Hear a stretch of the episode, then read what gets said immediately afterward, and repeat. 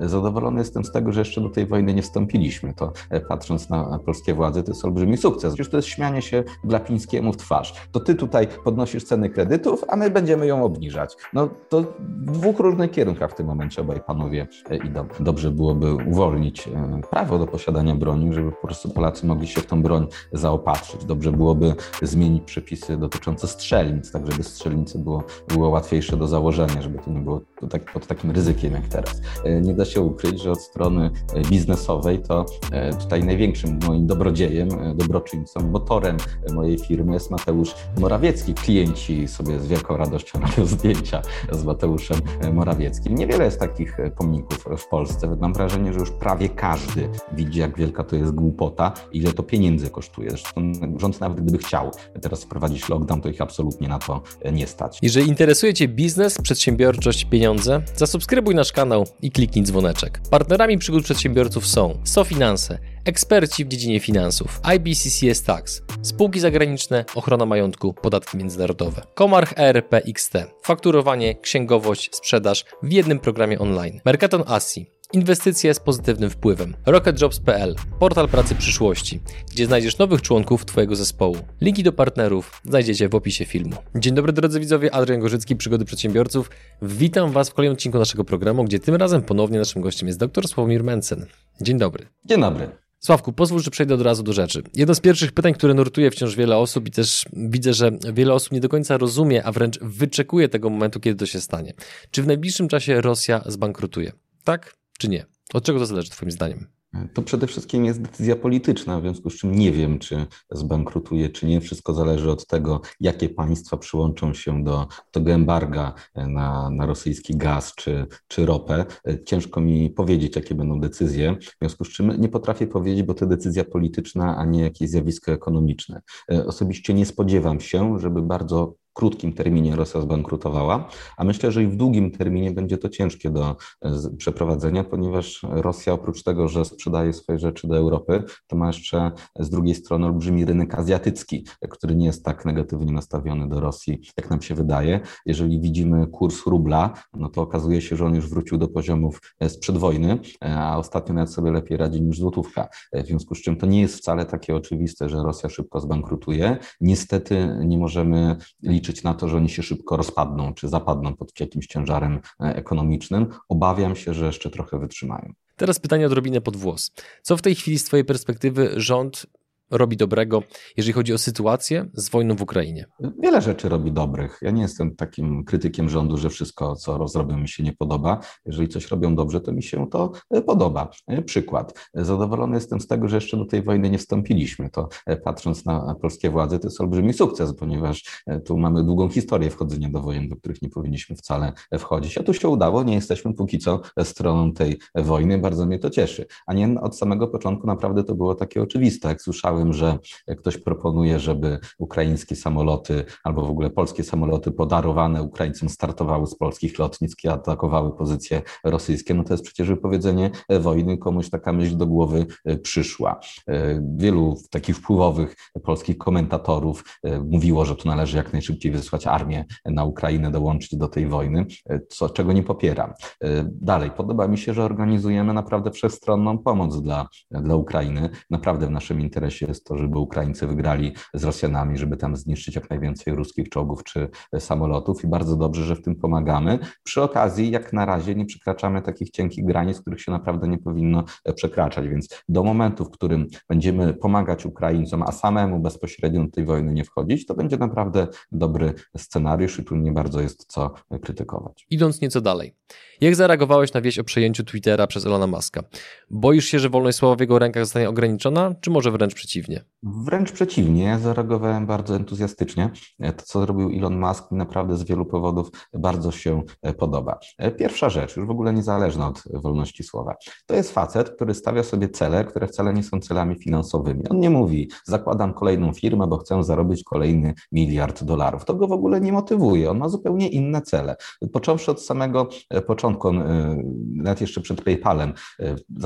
Zostawmy do PayPala, tak? Po co oni zakładali PayPala? Żeby zrewolucjonizować system bankowy, system finansowy. Przecież Musk, jak tam był licealistą, czy zaraz po liceum miał takie praktyki w jakimś banku i zobaczył, jaka to jest dziadowska instytucja, jak ona źle działa, jaka jest zachowawcza, jak tam ludzie w ogóle nie mają pomyślunku, co tu można zmienić, więc stwierdził, że jeżeli on postawi firmę finansową, która będzie rywalizowała z tymi dziadowskimi bankami, to on po prostu z nimi wygra i tak powstał PayPal, tak?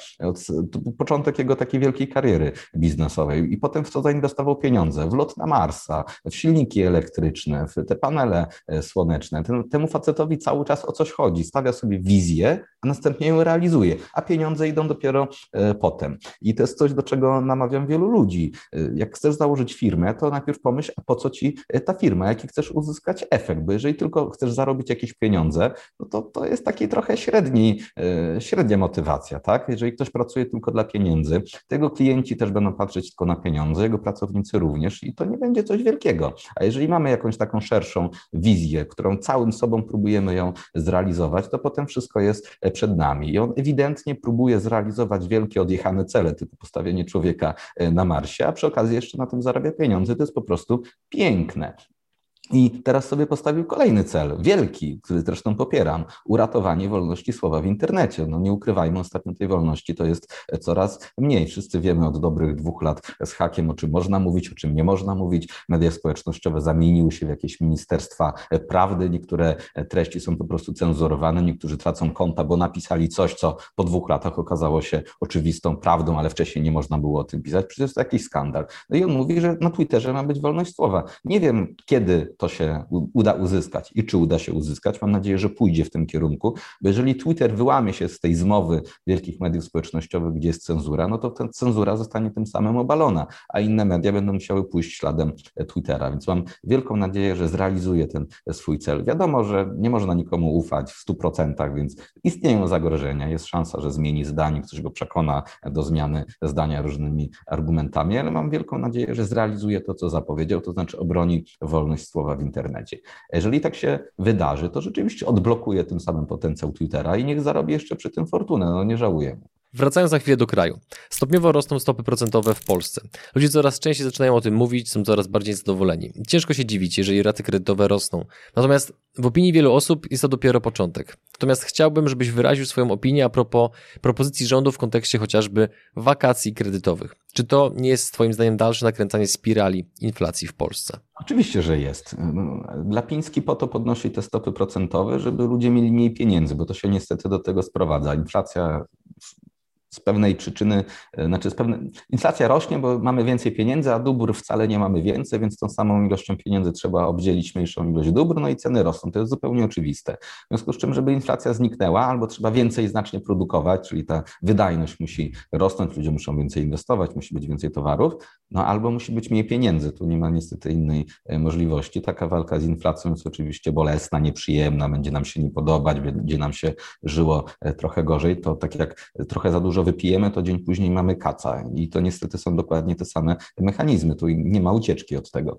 A im będziemy więcej dowozić alkoholu na tę imprezę, tym ten kac niestety będzie e, boleśniejszy. Impreza może trochę się przedłuży, ale kolejnego dnia będziemy trochę bardziej umierać. I to jest dokładnie to, co robi Mateusz Morawiecki. To znaczy e, Rada Polityki Pieniężnej podnosi stopy po to, żeby ludzie nie brali kredytów, żeby ci, którzy już mają kredyty, żeby przeznaczali na nie więcej pieniędzy, żeby mogli mniej konsumować, żeby było mniej pieniędzy na rynku tak? Po czym przychodzi Mateusz Morawiecki i robi dokładnie odwrotnie. Jakieś dopłaty do kredytów, wakacje kredytowe. Przecież to jest śmianie się Glapińskiemu w twarz. To ty tutaj podnosisz ceny kredytów, a my będziemy ją obniżać. No to w dwóch różnych kierunkach w tym momencie obaj panowie e, idą. Wszelkiego rodzaju zasiłki, wydawanie pieniędzy, e, czy, czy, czy właśnie te różnego rodzaju dopłaty są w tym momencie inflacjogenne. W związku z czym ciężko tutaj, dobrze byłoby, gdyby polityka banku centralnego była trochę skoordynowana z polityką rządu, żeby nie było że idą w dwóch zupełnie różnych kierunkach. Kolejne pytanie.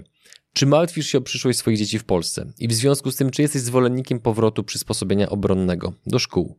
Okej, okay, czyli mówimy o jakimś zagrożeniu militarnym, jeżeli dobrze. Można tak ująć, jak najbardziej. O tak, to przy, trzeba być do tego przyzwyczajonym, że w naszej części świata pomiędzy Niemcami a Rosją co kilkadziesiąt lat różnego, armie, różnego rodzaju armie idą ze wschodu na zachód i z zachodu na wschód. Tak było od setek lat i obawiam się, że dalej możemy mieć z tym problem. I tak mamy względnie kilkadziesiąt lat spokoju, to jest dobry wynik. Nie zawsze tu przez tyle lat był spokój. Nasi dziadkowie to co chwilę mieli jakąś wojnę po drodze. My od naprawdę dekad żyjemy we względnym spokoju i nikt nie wie, jak długo ten spokój będzie. To w sumie nie od nas zależy, tylko od tego, co ludzie sobie tam wymyślą w Berlinie czy w Moskwie. W związku z czym cieszmy się pokojem, póki możemy, ale miejmy z tyłu głowy taką świadomość, że ten stan rzeczy nie jest dany nam na zawsze.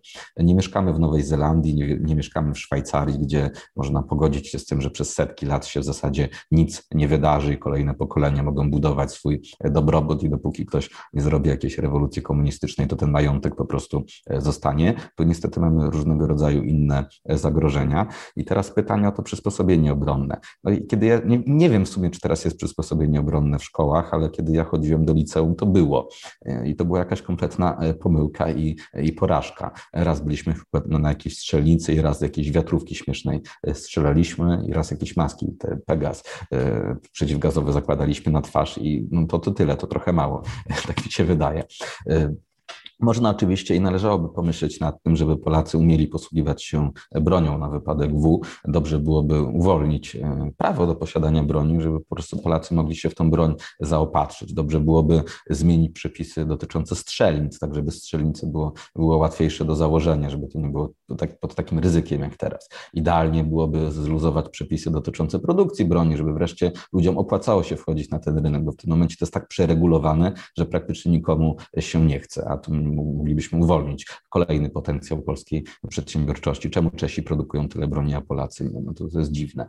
Też moglibyśmy przecież. Więc y, od strony przepisów to jest wiele do zrobienia, żeby ten potencjał zwiększyć. No i od, od strony tego, żeby Polacy umieli posługiwać się bronią, no to raz, prawo do posiadania broni, od razu ten potencjał się zwiększy. Mnóstwo ludzi kupi sobie broń, zacznie chodzić na strzelnicę, zacznie e, się szkolić. Poza tym można by pomyśleć raczej o jakichś takich, nie wiem, obozach dwu, trzymiesięcznych, na przykład po maturze. Ktoś kończy maturę, maturę w maju, ma potem zajęcia dopiero w październiku, ma najdłuższe wakacje, z którym nie bardzo wiadomo jest co robić, ile tam 4-5 miesięcy ludzie się po prostu nudzą. Gdyby na przykład wtedy zorganizować jakieś ciekawe obozy, nie mówię, że przymusowe, ale jakieś takie, które swoim programem zachęciłyby do tego, żeby młodzi mężczyźni na coś takiego pojechali, to byłaby fajna przygoda. Sam mając 18 czy 19 lat, z chęcią bym na takie dwu, trzymiesięczne jakieś, nie wiem, szkolenia z posługiwania się bronią gdzieś w jakimś, nie wiem, jakiejś jednostce, w jakimś lesie. Fajna przygoda jest przecież na całe życie zostaje. Można by to tak atrakcyjnie zorganizować, że, że młodzi ludzie by się do tego garnęli. Przechodząc teraz bardziej do wątku dotyczącego Twojej firmy, tego, co się w tej chwili dzieje.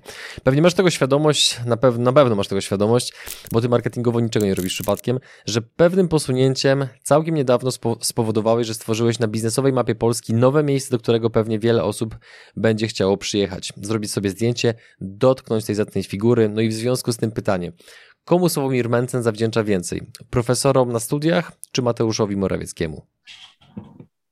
Nie chciałbym e, urazić ani umniejszyć czymkolwiek e, profesorom z mojej zacnej e, uczelni, natomiast nie da się ukryć, że od strony biznesowej to tutaj największym moim dobrodziejem, dobroczyńcą, motorem mojej firmy jest Mateusz Morawiecki, który codziennie dwoi się i troi, żeby skomplikować te przepisy i sprawić, żeby firmy doradcze miały trochę więcej pracy. Oczywiście nawiązujesz do tego odsłonięcia pomnika. Musiałem to zrobić raz dlatego, że jesienią jeszcze jeszcze, e, jak już to się dopiero zaczynało, widziałem, co, co się szykuje, czyli ten nowy ład. Obiecałem, że postawię mu pomnik za jego zasługi, w związku z czym słowa trzeba dotrzymywać. Pomnik e, stoi tylko z tą miską ryżu, ponieważ niestety nie dla każdego premier jest tak łaskawy jak, jak dla nas. E, pomnik stoi teraz u mnie w biurze, więc klienci sobie z wielką radością robią zdjęcia z Mateuszem Morawieckim. Niewiele jest takich pomników w Polsce. Wydaje mi się to fajną atrakcją atrakcją, więc jak tylko którykolwiek z moich klientów będzie chciał tu nas odwiedzić, bo niektórzy wolą takie konsultacje zdalne, to, to zapraszam do robienia sobie zdjęć z naszym złotym Mateuszem Morawieckim. Myślisz, że do pana Mateusza dotarła informacja, że taki pomnik powstał? Znaczy nie zareagował w żaden sposób, ale no, bardzo byłbym zdziwiony, gdyby nikt mu linka do tej pory nie podesłał.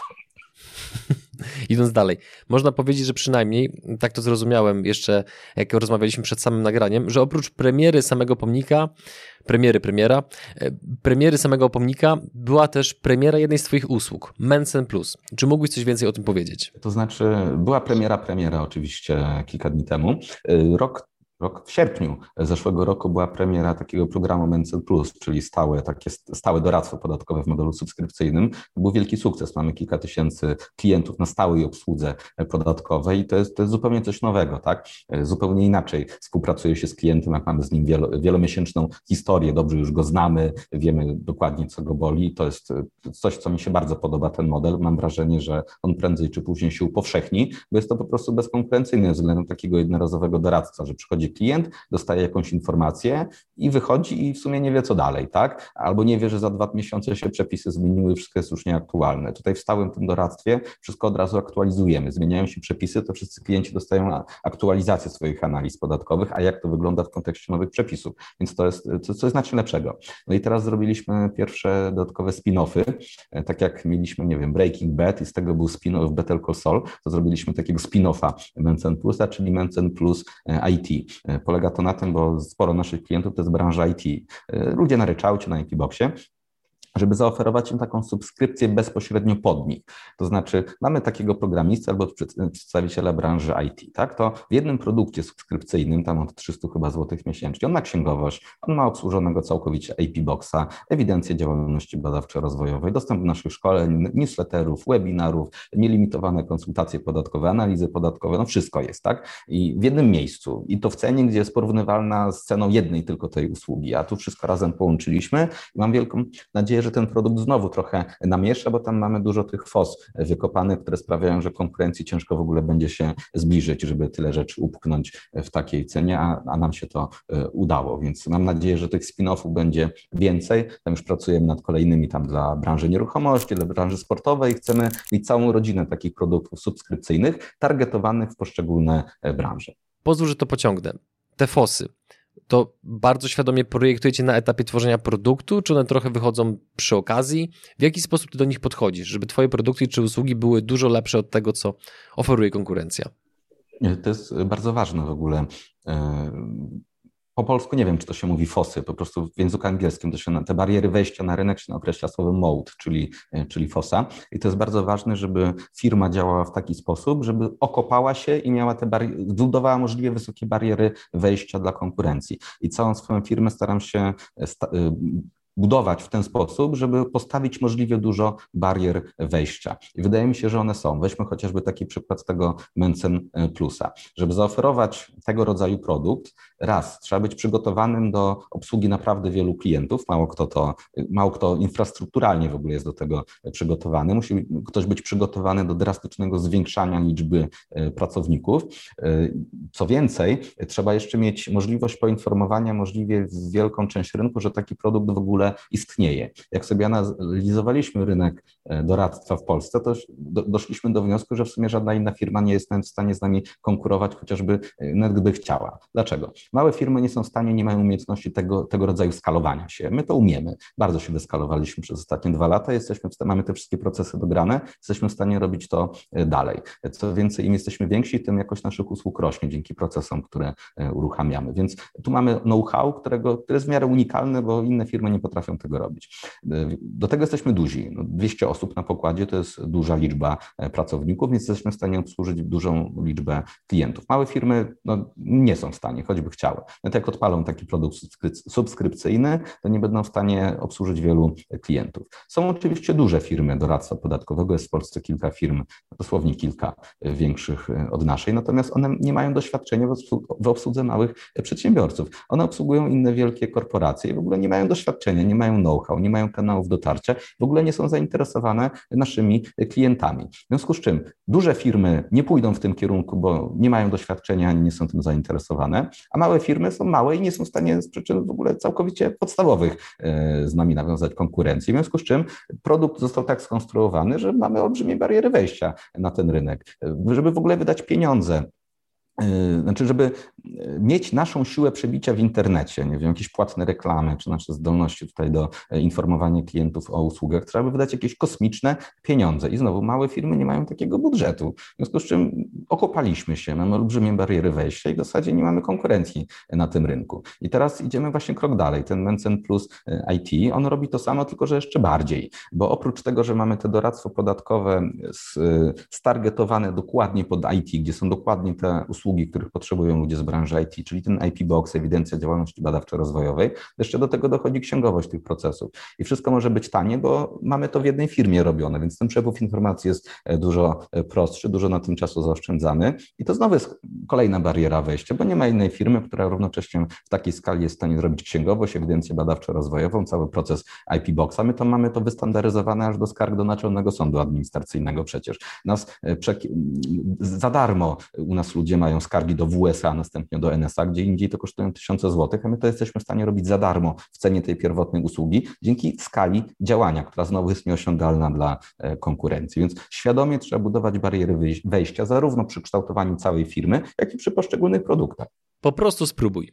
Dokładnie w ten sposób podejść do firmowego kanału YouTube. Daj sobie szansę sprawdzić, jak wiele korzyści zyskałbyś ty i twoja firma, gdybyście z naszą pomocą spróbowali rozwinąć wasz firmowy kanał YouTube. Kto wie, może się okaże, że ten prosty ruch spowoduje wiele korzyści dla waszej organizacji. Wejdź na Przygody TV i sprawdź, jak inni klienci oceniają pracę z nami i jej efekty. Powoli kończąc. Jak oceniasz, czy do Polski mogą wrócić lockdowny, chociażby patrząc przez pryzmat tego, co się dzieje w tej chwili na Dalekim Wschodzie? Mam wielką nadzieję, że nie. No już poprzedniej jesieni i zimą prawie tych lockdownów nie było, tylko tam się ośmieszyli jakoś na przełomie grudnia i stycznia i szkoły zamknęli na, na kilka tygodni, a poza tym to nic takiego nie miało miejsca. Mam wrażenie, że już prawie każdy widzi, jak wielka to jest głupota, ile to pieniędzy kosztuje. Zresztą rząd nawet gdyby chciał teraz wprowadzić lockdown, to ich absolutnie na to nie stać. Ja nie wiem, jak będzie wyglądał budżet w tym i w kolejnym roku, ale to jest ostatnia rzecz, na którą stać teraz państwo polskie, żeby wprowadzić jakiś kolejny lockdown, więc skoro przetrwaliśmy poprzedni rok, to już kolejnym wydaje mi się, że też przetrwamy bez żadnego problemu. Teraz jak patrzymy na obrazki z Szanghaju, to patrzymy na zupełnie jakiś inny świat. Te rzeczy się wydają zupełnie dalekie, obce, nierealistyczne, jak można w 2022 roku zamykać 10-milionowe miasto. Przecież tam ludzie z okien skaczą, bo nie mają co jeść, bo zostali zaspawani w swoich mieszkaniach. To jest jakiś obłęd. Mam nadzieję, że to nigdy więcej do Europy nie wróci. Drodzy widzowie, moim dzisiejszym gościem był dr Sławomir Mensen. Dziękuję za uwagę i do zobaczenia w kolejnym odcinku. Cześć. Również dziękuję.